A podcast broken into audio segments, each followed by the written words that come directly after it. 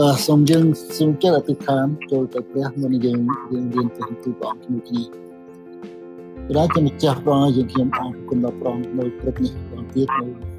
ឱកាសដែលយើងបានជួបជុំគ្នាក្នុងប្រគុណរបស់ព្រះអង្គនៅថ្ងៃថ្មីថ្ងៃល្អថ្ងៃដែលព្រះអង្គបង្កើតគឺដោយសារប្រគុណទ្រង់ដែលយើងមានថ្ងៃនេះជួបគ្នាអរគុណដល់ព្រះអង្គនៅព្រះទូលដែលព្រះអង្គได้រំលឹកឲ្យយើងបានដឹងថាព្រះអង្គជាព្រះពិតជាព្រះអង្គសង្គ្រោះជាព្រះដែលស្រឡាញ់យើងទាំងអស់ គ្នាពីព្រះដែលពេញទៅដោយអំណាចវិជ័យស្ដាក៏ដោយសូមព្រះមានប្រសិទ្ធព្រះអង្គគង់ក្នុងកំណើបងប្អូនទាំងអស់ជាពិសេសទុំគុំដែលជាអ្នកបម្រើព្រះអង្គនាំព្រះបន្ទូលទ្រង់សូមព្រះបន្ទូលព្រះអង្គបានចូលតាមបបិលមាត់ទុំគុំគុំកទុំគុំបើកឡើងនិយាយគ្រប់ទាំងពាក្យសម្ដីដែលព្រះអង្គមានទូលមក តាមប្រហារតីរបស់ព្រះអង្គកុំឲ្យតាមចិត្តទុំគុំឡើយខ្ញុំអរគុណដល់ព្រះអង្គសូមថ្វាយពេលវេលានេះចំពោះទ្រង់ក្នុងព្រះព្រមនាមព្រះអង្គចាស់ព្រះយេស៊ូវគ្រីស្ទអាមែនអាមែន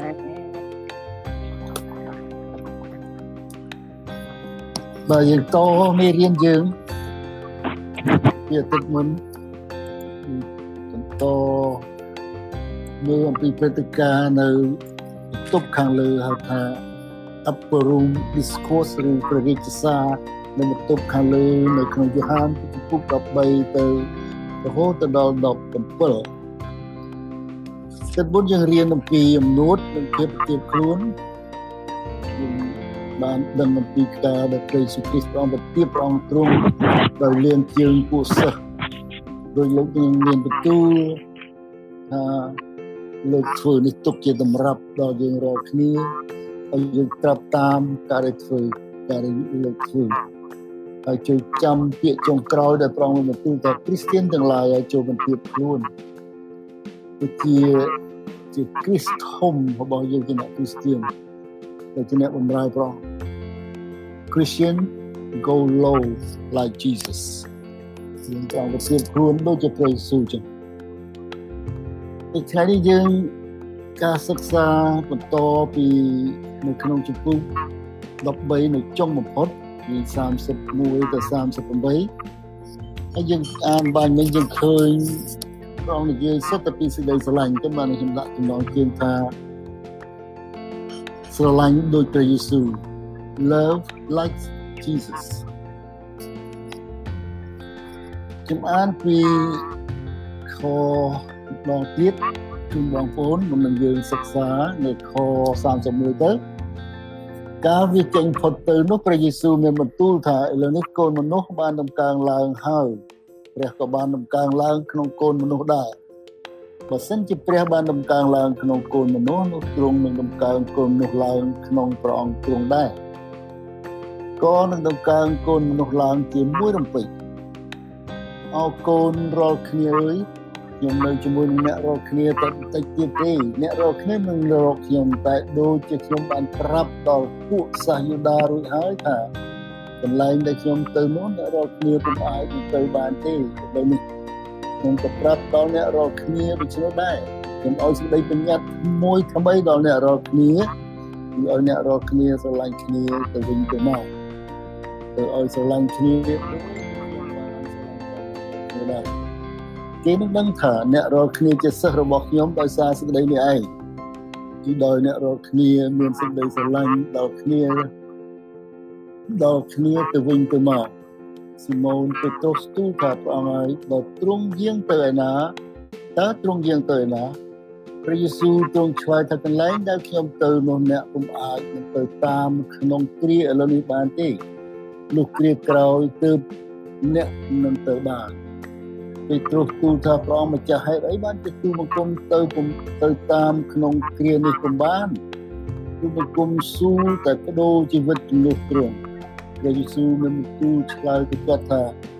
តើអ្នកនឹងបដូរជីវិតជំនួសខ្ញុំឬប្រកាសមែនខ្ញុំប្រាប់អ្នករាល់គ្នាជាប្រកាសថាខ្ញុំប្រាប់អ្នកជាប្រកាសថាមន់មិនរងាវទៀតតតែអ្នកបានប្រកែក3ដងថាមិនស្គាល់ខ្ញុំ ដូច្នេះការសិក្សានៅក្នុងគម្ពីរយ៉ូហាន13ទៅ17គឺជាព្រះបន្ទូលនៅលើបន្ទប់ខាងលើជាឱកាសពិសេសដែលព្រះយេស៊ូវបង្រៀនផ្ទាល់ជាមួយនឹងសិស្សរបស់ព្រះអង្គដោយឡែកពីពួកមហាជនហៅថា private ministry គឺជាព្រះបន្ទូលផ្ទាល់ជាមួយនឹងពួកសិស្សហើយចុងក្រោយម៉ោងចុងក្រោយពេលវេលាចុងក្រោយ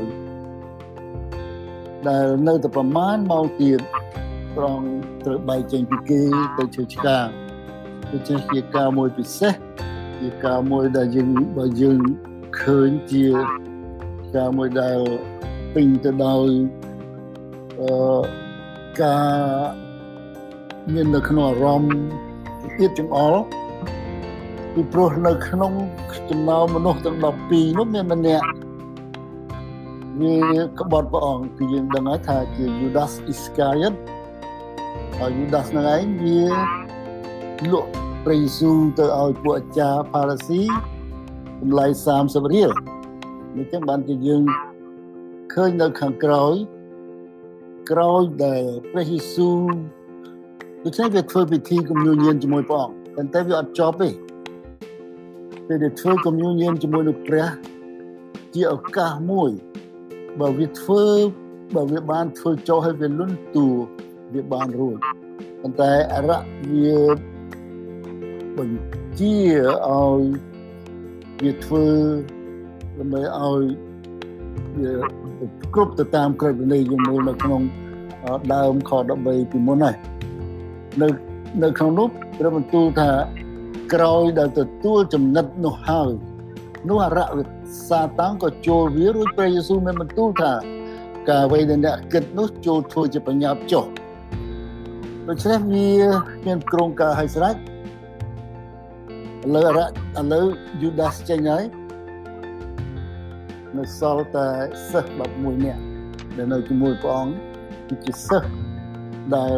ព្រះអង្គស្រឡាញ់ជាអ្នកដែលជឿពិតប្រាកដពួកអ្នកគ្រីស្ទានយើងឃើញនៅក្នុង ចំណោមយើងដែលយើងមើលឃើញមានលក្ខណៈច្រើនដែលមនុស្សអាចថាអូអ្នកនេះអ្នកគ្រីស្ទានអ្នកនោះជាអ្នកគ្រីស្ទានអ្នកនេះជាអ្នកជឿព្រះយេស៊ូវគេមើលទៅខាងក្រៅគឺឃើញពីភាពខាងក្រៅដែលមនុស្សជាច្រើនបង្ហាញថាគេជាអ្នកគ្រីស្ទានអ្នកខ្លះគេមានពាក់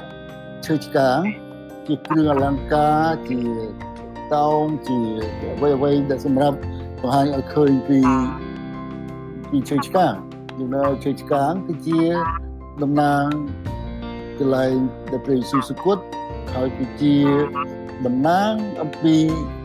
អ្នកជឿព្រះកន្លែងណាឃើញឈើឆ្កាងគឺជាកន្លែងសង្គ្រោះដូចជាមន្ទីរពេទ្យឈើឆ្កាងកន្លែងអឺ pharmacy ក៏មានឈើឆ្កាងប៉ុន្តែស្គលសំខាន់ អឺគឺឈើឆ្កាងគឺជាតំណាងព្រះយេស៊ូវគ្រីស្ទដូច្នេះពាក្យអ្នកពាក់គ្រឿងអលង្ការក្តីអ្នកខ្លះសាក់ខ្លួនទៀតសាក់ខ្លួនជាព្រះបន្ទូលព្រះនៅលើសាច់របស់ខ្លួនដូចជាព្រះបន្ទូលដ៏ល្អពីយ៉ូហាន3:16អ្នកខ្លះទៀតក៏មានផ្លាកហៅថា bumper sticker នៅក្នុងឡានជាអំពី ពាក្យដែលពាក្យស្លោកអំពីអ្នកគ្រីស្ទានខ្លះទៀតគេធ្វើជា T-shirt លក់អាវយឺតហើយដាក់ពាក្យ scripture ពាក្យព្រះបន្ទូលនៅក្នុងដើម្បីឲ្យឃើញថាគេជាអ្នកគ្រីស្ទានទាំងអស់នេះជាការប្រសើរវាមិនមែនជាបងប្អូនថាជាការធ្វើខុសទេអស់នេះជាការល្អការប្រសើរប៉ុន្តែ មិនមែនអ្នកទាំងអស់ក្នុងដែលពាក់ក្នុងសុទ្ធតែជាអ្នកដែលកើតជាថ្មីឬមួយក៏បដិញ្ញាបដូរផ្ដាច់ជាមួយនឹងជីវិតជាអ្នកគ្រីស្ទានទេគេគ្រាន់តែធ្វើតាមគ្នាមិនមែនជាអ្នកដែលបដូរផ្ដាច់ជាមួយនឹងព្រះយេស៊ូវគ្រីស្ទមិនមែន មិនមែនមនុស្សដែលនៅក្នុងឡានជិះ bumper bumper sticker ដាក់ Christian នឹងសុទ្ធតែជាអ្នកជឿព្រះអង្គហើយក៏មិនអ្នកដែលពាក់ T-shirt អំពី Christian នឹងជាអ្នកជឿព្រះពិតខ្លះក៏ជឿតែរបៀបសាសនាប៉ុន្តែយើងយើងដឹងហើយពីដើមពីខដើមដែលយើងរៀនពីអតីតមុនថាព្រះយេស៊ូវព្រះអង្គមានបន្ទូលថាយើងជា តំណាងព្រះដែលព្រះអង្គលោកយាងលៀងជើងដល់ពួកសិស្សព្រះអង្គថាខ្ញុំធ្វើនេះដើម្បីទុកជាតម្រាប់ឲ្យអ្នករាល់គ្នាធ្វើតាមតម្រាប់ដែលយើងធ្វើតាមបានជាជាតំណាងព្រះអង្គឲ្យគេឃើញព្រះអង្គនៅក្នុងយើងពាក្យខាងរដ្ឋការរដ្ឋាភិបាលគេថាទីទូត វាជាទូតតំណាងនគរឋានសួគ៌ដូច្នេះយើងអ្នកគ្រីស្ទានពិតប្រាកដគឺជាទូតតំណាងព្រះគេឃើញព្រះយេស៊ូវនៅក្នុងជីវិតយើងអស់គ្នាហើយអ្នកគ្រីស្ទានពិតប្រាកដនោះគឺมันមិនចាំបាច់ផ្នែកខាងក្រៅទេព្រះទ្រង់មើលខាងក្នុង នោះមើលខាងក្រៅតែផ្ទះព្រះទ្រង់មើលយើងនៅខាងក្នុងវិញដោយជីវិតយើងផ្លាស់ប្រែផ្លាស់ប្រែពីការកើតជាថ្មីដោយបងប្អូនចាំពីអាចារ្យផារ៉ាស៊ីរបស់ឈ្មោះលោកនីកូដេមដែលលោកទៅជួបព្រះយេស៊ូវទាំងយប់នឹងអំពីផលផ្លែនៃជំនឿដែលយើងជឿព្រះយេស៊ូវដើរតាមព្រះអង្គជឿព្រះអង្គមករយៈ តើយើងមានអ្វីខ្លះបង្ហាញអំពីផលផ្លែនៃជីវិតដែលយើងខុសអំពីបងប្អូនដែលមិនទាន់ជឿនៅហើយដែលដែលជាលក្ខណៈខាងក្នុងដែលព្រះទ្រង់សពហរតីឲ្យយើងជាអ្នកគ្រីស្ទានបង្ហាញហើយផលផ្លែដំបូងបំផុតដែលអ្នកគ្រីស្ទានមានជាងមាននៅក្នុងជីវិតទី1គឺសេចក្តីស្រឡាញ់ បងប្អូននៅក្នុងកាលទីជំពូក5យើងឃើញអ្នកស្រេចផលផ្លែនៃព្រះវិញ្ញាណបានន័យថាអ្នកដែលមានជឿគឺអ្នកដែលជឿព្រះអង្គនោះគឺបញ្ចេញទី1គឺសេចក្តីស្រឡាញ់ love is the first one the first first fruit of the spirit សេចក្តីស្រឡាញ់រួចហើយអំណរអយើងមានសេចក្តីស្រឡាញ់បើគ្មានបើគេបើបើគេមិនស្រឡាញ់យើងបងប្អូនពេលដែលយើងវេទនា ឧទាហរណ៍ពេលដែលយើងវេទនាលហេមលហាមនៅស្រុកយើងពីពួកបងប្អូនដែលបានអញ្ជើញមកមុន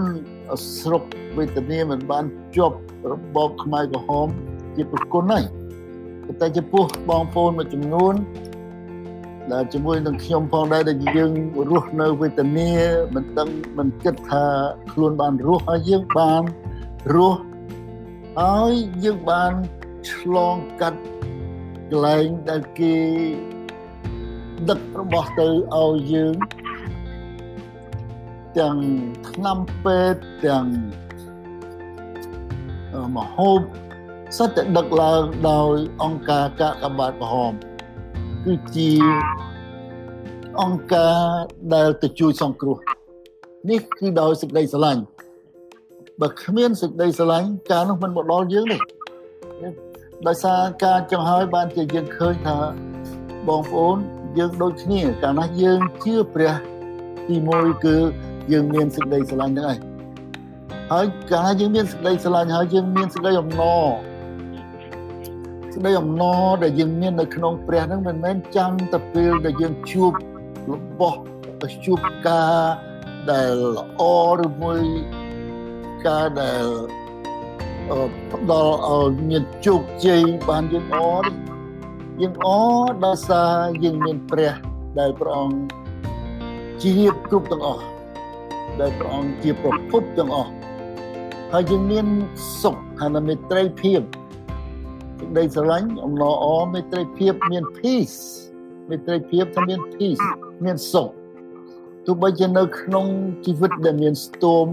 យើងដឹងថាមិនយូរទេព្រះអង្គនឹងឲ្យយើងផុតអំពីស្ទម ក្នុងជីវិតហ្នឹងហើយអត់ធ្មត់ការអត់ធ្មត់គឺយើងរៀនដោយពីតាមព្រះយេស៊ូវគឺព្រះអង្គអត់ធ្មត់សុភាពគឺក៏យើងរៀនអំពីជីវិតរបស់ព្រះយេស៊ូវគ្រីស្ទដែលព្រះអង្គទ្រង់សុភាពទាំងអស់ហ្នឹងឯងគឺជាផលផ្លែនៃអ្នកជឿដែលបង្ហាញអំពីជីវិតថ្មីសេច ក្តីស្រឡាញ់អំណរអបេត្រីភាពអត់ធ្មត់សប្បុរសស្មោះត្រង់ស្លូតបូតហើយចុងបំផុតគឺដឹងខ្នាតដឹងខ្នាតគេថាដឹងខុសត្រូវព្រោះការយើងនិយាយឬជីវិតយើងវាមានខ្នាតវាមានរង្វល់វាវាមានវាមានការដែលយើងធ្វើទៅយើងដឹងខុសយើងដឹងត្រូវកុំឲ្យថាខ្ញុំមិនដឹងមែនទេបងប្អូនកាលណាយើងធ្វើយើងដឹងហើយ យើងដឹងថាយើងធ្វើនោះយើងខុសយើងដឹងប៉ុន្តែយើងបំពេញហើយកាលណាយើងបំពេញចម្លើយថាខ្ញុំអត់ដឹងអឺដូច្នេះយើងត្រូវតែទទួលខុសត្រូវខ្លួនយើងជាមួយនឹងព្រះពីគ្រប់ទាំងទង្វើដែលយើងធ្វើនេះជាព្រះបន្ទូលចុងក្រោយពីទ្រង់ទៅពួក11នាក់បងប្អូននៅពេលនេះមានតែ11នាក់ទេជាសិស្សពិតប្រកប គឺជាយើងទាំងអស់គ្នាដែលដែលពិតថាយើងជាអ្នកជឿព្រះ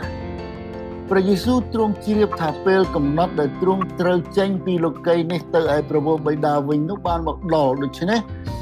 ដែលទ្រង់បានស្រឡាញ់ដល់ពួកទ្រង់នៅលោកីយ៍នេះទ្រង់ក៏ចេះតែស្រឡាញ់ដល់គេដរាបដល់ចុងបំផុត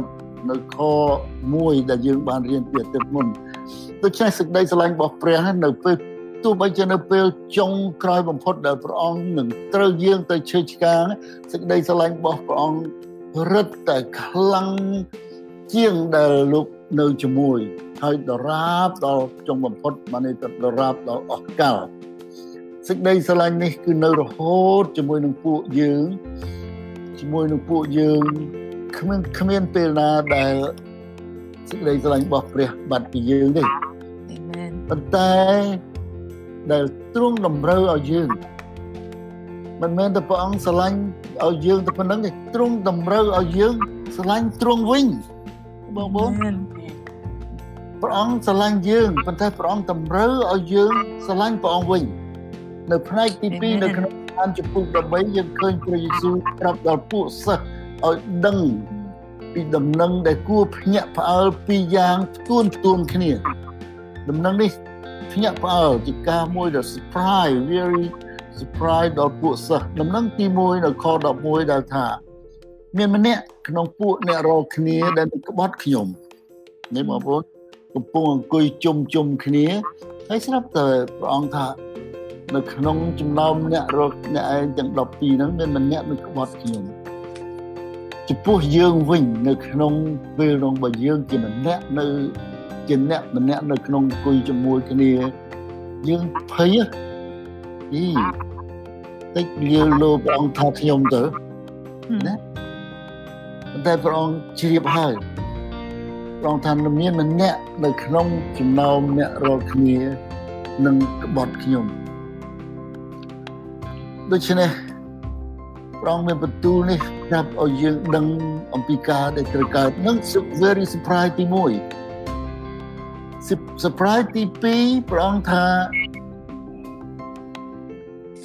ឥឡូវនេះកូនមនុស្សនឹងបានដំឡើងឡើងពីព្រោះទាំងអស់គ្នានោះអត់ទាន់យល់ច្បាស់ទេអត់ទាន់យល់ច្បាស់អំពីព្រះអង្គព្រះអង្គថាព្រះអង្គនេះជាពេលចុងក្រោយហើយព្រះអង្គលៀងជើងព្រះអង្គធ្វើធ្វើគំរូទុកឲ្យដើម្បីឲ្យគេធ្វើតម្រាប់តាមហើយលោកមានបន្ទូលថា នៅក្នុងចំណោមអ្នករាល់គ្នាមានម្នាក់នឹងបត់ខ្ញុំហើយនៅក្នុងចំណោមនៅនៅពេលបន្តិចទៀតនៅដំណឹងទី2នៅនៅក្នុងពេលតែមួយបន្ទប់តែមួយចង់ថាឥឡូវនេះកូនមនុស្សនឹងបានដំឡើងឡើងដំកើងឡើងហើយពីព្រោះព្រះអង្គកំពុងតែ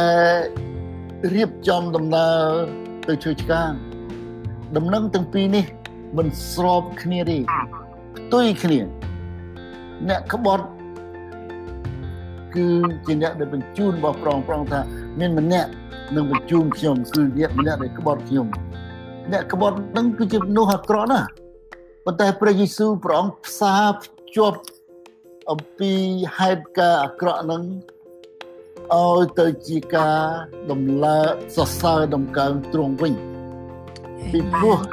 Judas Iscariot ដែលវាធ្វើការនេះ គឺជាផែនការដែលព្រះមានតាំងពីដើមមកសម្រាប់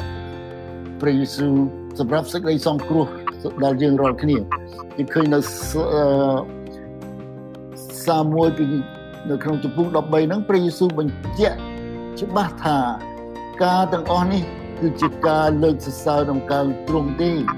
ដែលមិនបានគិតទុកជាមុន គឺព្រះយេស៊ូវបានដំកើងឡើងដោយសារអំពើក្បត់របស់មនុស្សម្នាក់ជាមើលកាលវាចេញផុតទៅនោះព្រះយេស៊ូវបានបន្ទូលថាឥឡូវនេះកូនមនុស្សបានដំកើងឡើងហើយព្រះក៏បានដំកើងឡើងក្នុងកូនមនុស្សដែរបើសិនជាព្រះបានដំកើងឡើង ក្នុងកូនមនុស្សនោះទ្រង់នឹងបានដំកើងកូនមនុស្សឡើង ក្នុងព្រះអង្គម្ចាស់ក្នុងព្រះអង្គទ្រង់ដែរ ក៏នឹងដំកើងកូនមនុស្សឡើងជាមួយរំពេចនៅក្នុងពាក្យចាប់ផ្ដើមពីខ31ថាកាលវាចេញផុតទៅនឹងវានឹងជានរណា គឺជា Judas Iscariot ដែលទៅតែនឹងចេញពីបន្ទប់ខាងលើព្រោះព្រះយេស៊ូវទ្រង់ជ្រាបថា មានម្នាក់នឹងក្បត់ខ្ញុំ បានជាព្រះយេស៊ូវប្រាប់ថាការអ្វីដែលអ្នកគិតធ្វើនោះចូលធ្វើជាបញ្ញាប់ទៅចុះ នៅខ27ហើយនៅខ30បញ្ជាក់ថាវាចេញទៅទាំងយប់បងប្អូននេះគឺសិតតែជាការមួយប្រងឲ្យយើងរៀនហើយវាចេញទៅទាំងយប់គឺជាយប់ងងឹតបំផុតនៅលើលើលោកីទាំងមូលដែលមិនដែលជួបគឺជាយប់ដែលកូនពូជអាដាម ជ្រើសរើសបដិសេធក្បត់កូនព្រះដ៏ពេញទៅដោយស្រីល្អខ្ញុំខ្ញុំ repeat កន្លែងខ្ញុំថាកន្លែងនោះដល់ទៀតយប់នោះគឺជាយប់ងងឹតដែល Judas Iscariot វាចេញគឺជាយប់ដែលលោកីនេះកំពុងតែងងឹតស្លុបជាយប់ដែលកូនមនុស្សពូជអាដាមជ្រើសរើសបដិសេធនឹងក្បត់កូនព្រះ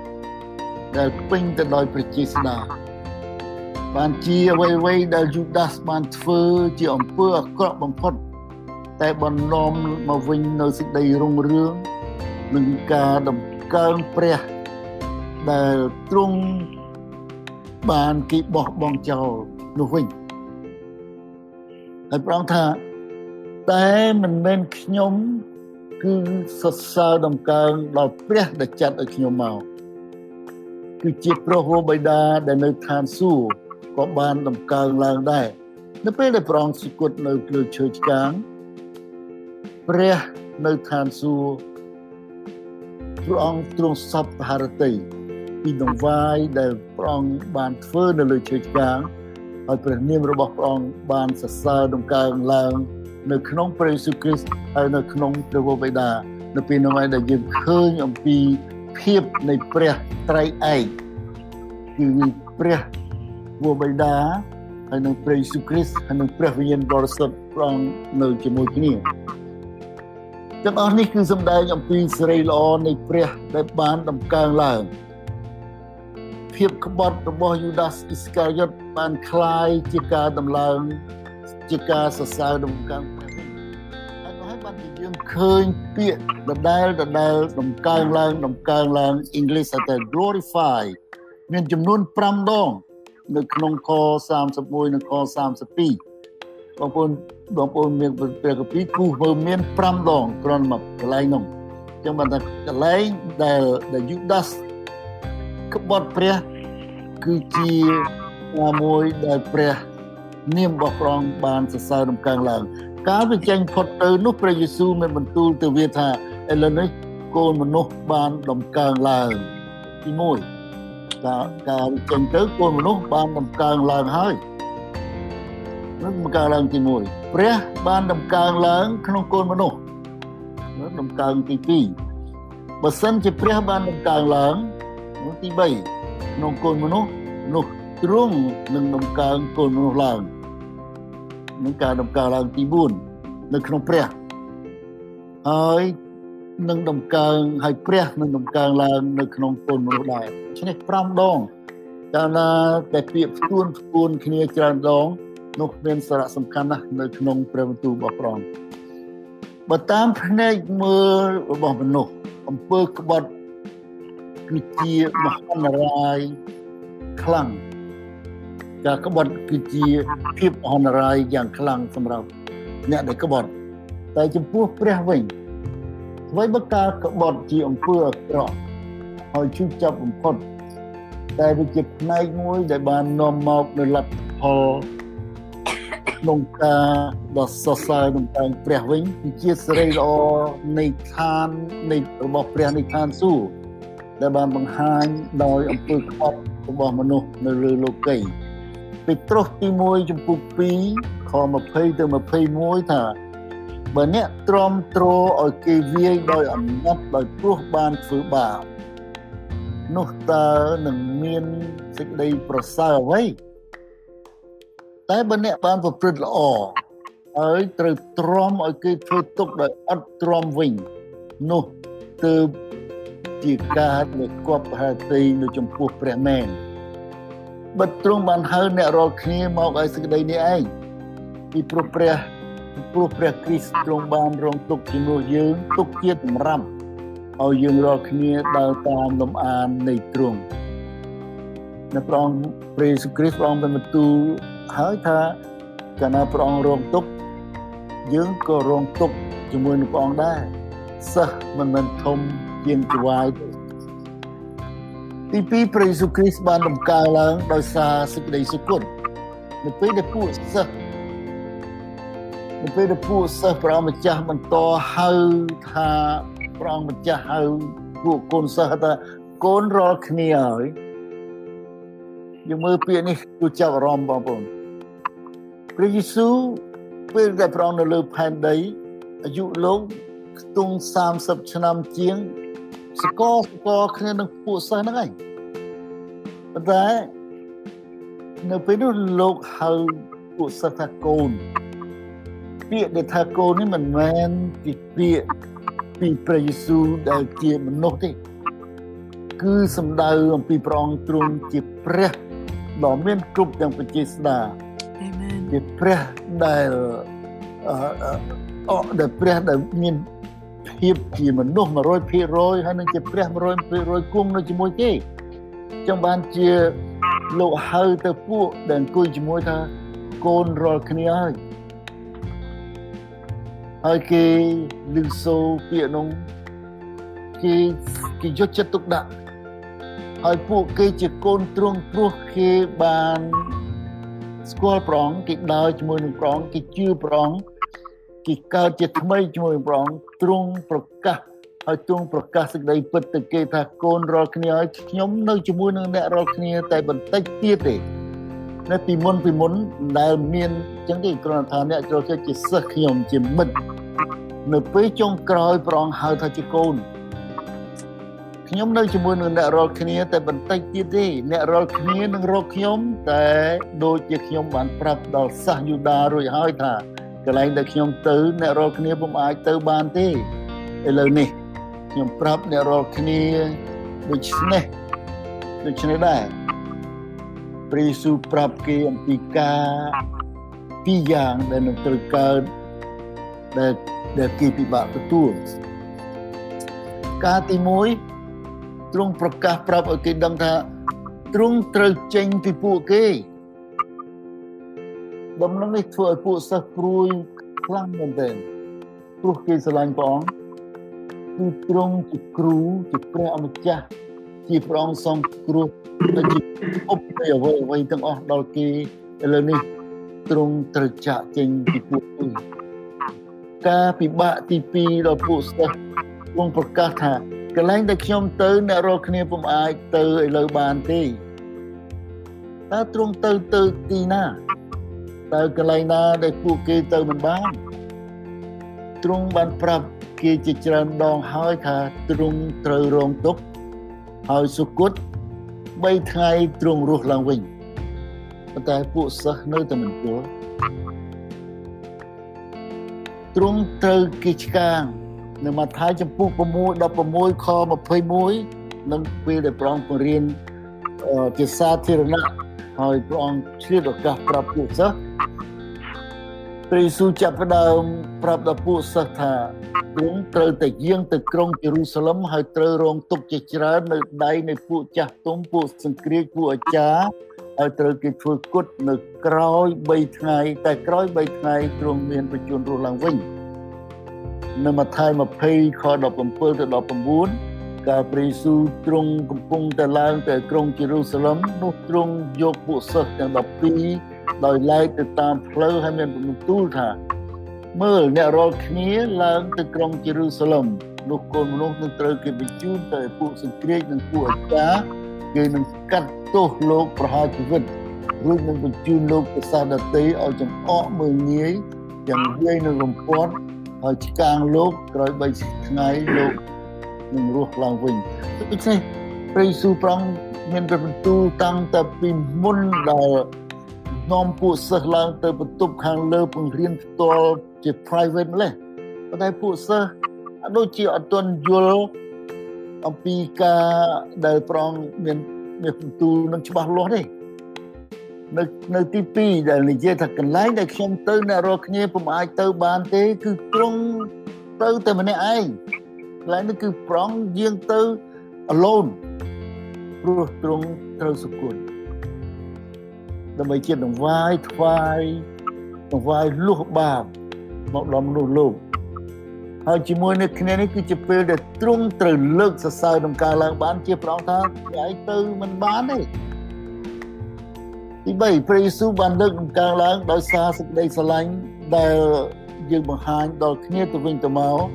ប្រងមានមានបន្ទូលថាជួអ្នករកគ្នាស្រឡាញ់គ្នាទៅវិញទៅមកដូចជាខ្ញុំស្រឡាញ់អ្នករកគ្នាខ30 35រហូតមកដល់ពេលនេះគេដឹងថាអ្នករាល់គ្នាជាសិស្សខ្ញុំពួកគេបានឃើញអ្នករាល់គ្នាដើរតាមខ្ញុំនៅជុំវិញស្រុកយូដានិងស្រុកកាលីលេដែលអ្នករាល់គ្នាដើរតាមខ្ញុំនេះគឺជាមហន្តរាយដល់ជីវិតអ្នករាល់គ្នាហើយ តែពីឥឡូវនេះទៅខ្ញុំមិននៅលើផែនដីឲ្យអ្នករាល់គ្នាដើរតាមទៀតទេអ្នកដែលអ្នកដើរតាមខ្ញុំក្នុងរូបកាយដូចពេលនេះនឹងមិនសម្គាល់ថាជាសិស្សខ្ញុំទៀតទេនឹងប្រងផ្ដាំប្រាប់ឲ្យពួកសិស្សបានឃើញដូច្នេះខ្ញុំឲ្យបិទសញ្ញាខ្ញុំឲ្យសញ្ញាសម្គាល់ថ្មីមួយពីមួយពីមុនគេស្គាល់ពួកសិស្សរបស់ប្រងដោយសារដើរតាមប្រង តែពេលដែលប្រងបាត់ទៅប្រងឲ្យសម្គាល់សញ្ញាថ្មីមួយថាឥឡូវនេះខ្ញុំឲ្យសញ្ញាសម្គាល់ថ្មីមួយជាបញ្ញត្តិថ្មីដល់កូនរាល់គ្នាត្រូវស្រឡាញ់គ្នាទៅវិញទៅមកអាមែនត្រូវស្រឡាញ់គ្នាទៅវិញទៅមកនេះជាសញ្ញាថ្មីហើយពាក្យថាត្រូវឲ្យស្រឡាញ់គ្នាទៅវិញទៅមកដូចជាខ្ញុំស្រឡាញ់អ្នករាល់គ្នាដែរ លោកយូហានចង់ដែលលោកសរសេរចង់បញ្ជាក់ថាឲ្យយើងស្រឡាញ់គ្នាដូចជាព្រះស្រឡាញ់យើងបងប្អូនដឹងថាព្រះយេស៊ូវប្រងថាអ្នកណាដែលឃើញខ្ញុំនោះឃើញព្រះហើយខ្ញុំនិងព្រះវេដាគឺជាតួតែមួយគឺថាព្រះស្រឡាញ់យើង បានប្រទានព្រះយេស៊ូវមកសុគតជំនួសយើងនៅយ៉ូហានទី1ចំពុក4ខ10ទៅ11ថា នេះហើយជាសេចក្តីស្រឡាញ់មិនមែនជាយើងស្រឡាញ់ព្រះទេគឺព្រះទេដែលស្រឡាញ់យើងមុខមុនជាតើបានចាត់រាជបុត្រាទ្រង់ទុកជាដង្វាយឲ្យធូននឹងបានពួកស្ងួនភ្ងាយបើព្រះស្រឡាញ់យើងរាល់គ្នាជាខ្លាំងដល់ម្លេះនោះត្រូវយើងស្រឡាញ់គ្នាទៅវិញទៅមកគឺត្រូវស្រឡាញ់គ្នាដូចជាជាព្រះស្រឡាញ់អ្នករាល់គ្នាដែរនៅខ35 ថាគេនឹងដឹងថាអ្នករាល់គ្នាជាសិស្សខ្ញុំដោយសារសេចក្តីនេះឯងគឺដោយអ្នករាល់គ្នាស្រឡាញ់ដល់គ្នានឹងគ្នាទៅវិញទៅមកលោកយ៉ូហានយកចង់បញ្ជាក់ថាពាក្យថាសិស្សរបស់ព្រះយេស៊ូវគឺជាអ្នកជឿព្រះយេស៊ូវដែលហៅថាអ្នកគ្រីស្ទៀនមិនមែនជាអ្នកកាន់សាសនាមិនមែនអ្នកគ្រាន់តែមកពហិរាល់អាទិត្យឬគ្រាន់តែជាអ្នកមានតំណែងនៅក្នុងអង្គការគ្រីស្ទៀនណាមួយ ឬមួយជាពួកដែលអ្នកដែលគេហៅតែជាអ្នកគ្រីស្ទៀនតែខាងក្រៅតែក្នុងជីវិតរស់នៅតាមសាច់ឈាមប៉ុន្តែអ្នកគ្រីស្ទៀនត្រូវដែលជាមនុស្សផ្លាស់ប្រែជាថ្មីនេះអ្នកគ្រីស្ទៀនពិតប្រាកដអ្នកគ្រីស្ទៀនពិតប្រាកដត្រូវជាមនុស្សផ្លាស់ប្រែជាថ្មីមានបេះដូងថ្មីដូចយើងធ្វើ heart surgery ហ្នឹង you get a new heart transplant ដែលមានសេចក្តីស្រឡាញ់មកពីព្រះ បង្ហាញសេចក្តីស្រឡាញ់ដល់ព្រះបិតាស្រឡាញ់ដល់ព្រះយេស៊ូវគ្រីស្ទហើយនឹងស្រឡាញ់ដល់អ្នករួមជំនឿជាមួយគ្នានៅខាងក្រោមនេះគឺខ្ញុំស្រង់ពីព្រះបន្ទូលឲ្យស្គាល់អំពីសេចក្តីស្រឡាញ់របស់ព្រះបងប្អូនអាចកត់ឬឬត្រង់ទៅស្ដាប់ទី1នៅក្នុងគម្ពីរយ៉ូហានជំពូក1នៅខ4ទៅខនៅជំពីរយ៉ូហានជំពូក1ខ4 ជំពូក1គម្ពីរយ៉ូហានទី1ជំពូក4ខ7ពួកស្ងួនគ្នាហើយយើងត្រូវស្រឡាញ់គ្នាទៅវិញទៅមកត្បិតសេចក្តីស្រឡាញ់មកពីព្រះឯណាណាដែលមានសេចក្តីស្រឡាញ់នោះឈ្មោះថាមកពីព្រះហើយក៏ស្គាល់ទ្រង់ផងបើយើងមិនស្គាល់ព្រះបើយើងគ្មានសេចក្តីស្រឡាញ់យើងមិនអាចស្គាល់ព្រះអង្គទេបងប្អូនយូហានទី1ចំពុក3 14យើងរាល់គ្នាដឹងថា យើងបានកន្លងផុតពីសេចក្តីស្លាប់ទៅដល់ជីវិតហើយពីព្រោះយើងស្រឡាញ់ដល់ពួកបងប្អូនហើយអ្នកណាដែលមិនស្រឡាញ់បងប្អូននោះឈ្មោះថាជាប់នៅក្នុងសេចក្តីស្លាប់នៅឡើយយូហានទី1ចំពុក4ខ8តែអ្នកណាដែលគ្មានសេចក្តីស្រឡាញ់នោះមិនស្គាល់ព្រះទេពីព្រោះព្រះទ្រង់ជាសេចក្តីស្រឡាញ់នោះឯងយូហានទី1ចំពុក2ខ9ទៅខ11 អ្នកណាដែលថាខ្លួននៅក្នុងពន្លឺតែស្អប់ដល់បងប្អូននោះឈ្មោះថានៅក្នុងសេចក្តីងងឹតបរាបដល់សពថ្ងៃនេះឯណាណាដែលស្រឡាញ់ដល់បងប្អូននោះតែងតែនៅក្នុងពន្លឺហើយនៅក្នុងអ្នកនោះគ្មានហេតុណាដែលបង្អាក់បង្អន់ចិត្តឡើយតែអ្នកណាដែលស្អប់ដល់បងប្អូននោះឈ្មោះថានៅក្នុងសេចក្តីងងឹតវិញ ក៏ដើរក្នុងសេចក្តីងឹតហើយមិនដឹងថាខ្លួនទៅណាផងពីព្រោះសេចក្តីងងឹតនោះបានបំបាំងភ្នែកហើយគេដឹងថាអ្នកជាសិស្សព្រះយេស៊ូវគឺជាអ្នកគ្រីស្ទៀនពិតគឺជាអ្នកដែលមានបេះដូងថ្មី មានជីវិតថ្មីកើតជាថ្មីស្គាល់ព្រះ មានពលឺមិនដើរនៅក្នុងសេចក្តីងងឹតដូចពីមុន គឺជាអ្នកជឿលើព្រះយេស៊ូវតែមួយហើយស្រឡាញ់ដល់គ្នានឹងគ្នាទៅវិញទៅមកដូចជាព្រះស្រឡាញ់អ្នករាល់គ្នាមួយទៀតនៅក្នុងព្រះគម្ពីរយ៉ូហានទី1ដែរចំពុក4ខ7ទៅខ8ពួកស្ងួនគ្នាយើងត្រូវស្រឡាញ់គ្នាទៅវិញទៅមកត្បិតសេចក្តីស្រឡាញ់មកពីព្រះអស់អ្នកណាដែលមានសេចក្តីស្រឡាញ់នោះឈ្មោះថាមកពីព្រះហើយក៏ស្គាល់ទ្រង់ដែរ តែអ្នកណាដែលគ្មានសេចក្តីស្រឡាញ់នោះមិនស្គាល់ព្រះវិញពីព្រោះព្រះទ្រង់ជាសេចក្តីស្រឡាញ់នោះឯងបើអ្នកណាថាគម្ពីរយ៉ូហានទី1ចំពុក4ខ20កន្លែងនេះសំខាន់មានខ្លាំងជាងគេបើអ្នកណាថាខ្លួនស្រឡាញ់ព្រះតែស្អប់ដល់បងប្អូនអ្នកនោះជាអ្នកកុហកបងប្អូនកន្លែងបងប្អូនមើលហើយពិនិត្យពិចារណានៅក្នុងជីវិតយើងអ្នកអ្នក បើអ្នកណាថាខ្លួនស្រឡាញ់ព្រះតែស្អប់ដល់បងប្អូនវិញអ្នកនោះជាអ្នកកុហកបើអ្នកណាដែលមិនស្រឡាញ់ដល់បងប្អូនដែលបានមើលឃើញទៅហើយនោះធ្វើដូចម្ដេចឲ្យស្រឡាញ់ដល់ព្រះដែលមើលមិនឃើញទៅបាននេះជាព្រះបន្ទូលរបស់ព្រះអង្គបងប្អូនស្គន់គ្នាទាំងឡាយហើយចូលឲ្យស្រឡាញ់គ្នាទៅវិញទៅមកដូចជាព្រះយេស៊ូវស្រឡាញ់អ្នក love one another like Jesus loved you Amen ព្រះវេដាដែលគង់នៅឋានសួគ៌ប្រឲ្យសូមព្រះដល់ជាព្រះទ្រង់បានប្រទានប្រពន្ធនៅសេចក្តីស្រឡាញ់ដល់បងប្អូនយើងខ្ញុំទាំងអស់គ្នាដែលនៅក្នុងបន្ទប់ចិត្តស៊ីបែបបង្គំព្រះអង្គថ្ងៃនេះសូមឲ្យសេចក្តីស្រឡាញ់ព្រះអង្គបានពោពេញនៅក្នុងជីវិតបងប្អូនទាំងអស់គ្នាហើយជំរុះចេញនៅអ្វីដែលមិនមែនជាសេចក្តីស្រឡាញ់ ផ្សារភ្ជាប់នៅសេចក្តីស្រឡាញ់របស់ព្រះនៅក្នុងជីវិតដើម្បីឲ្យយើង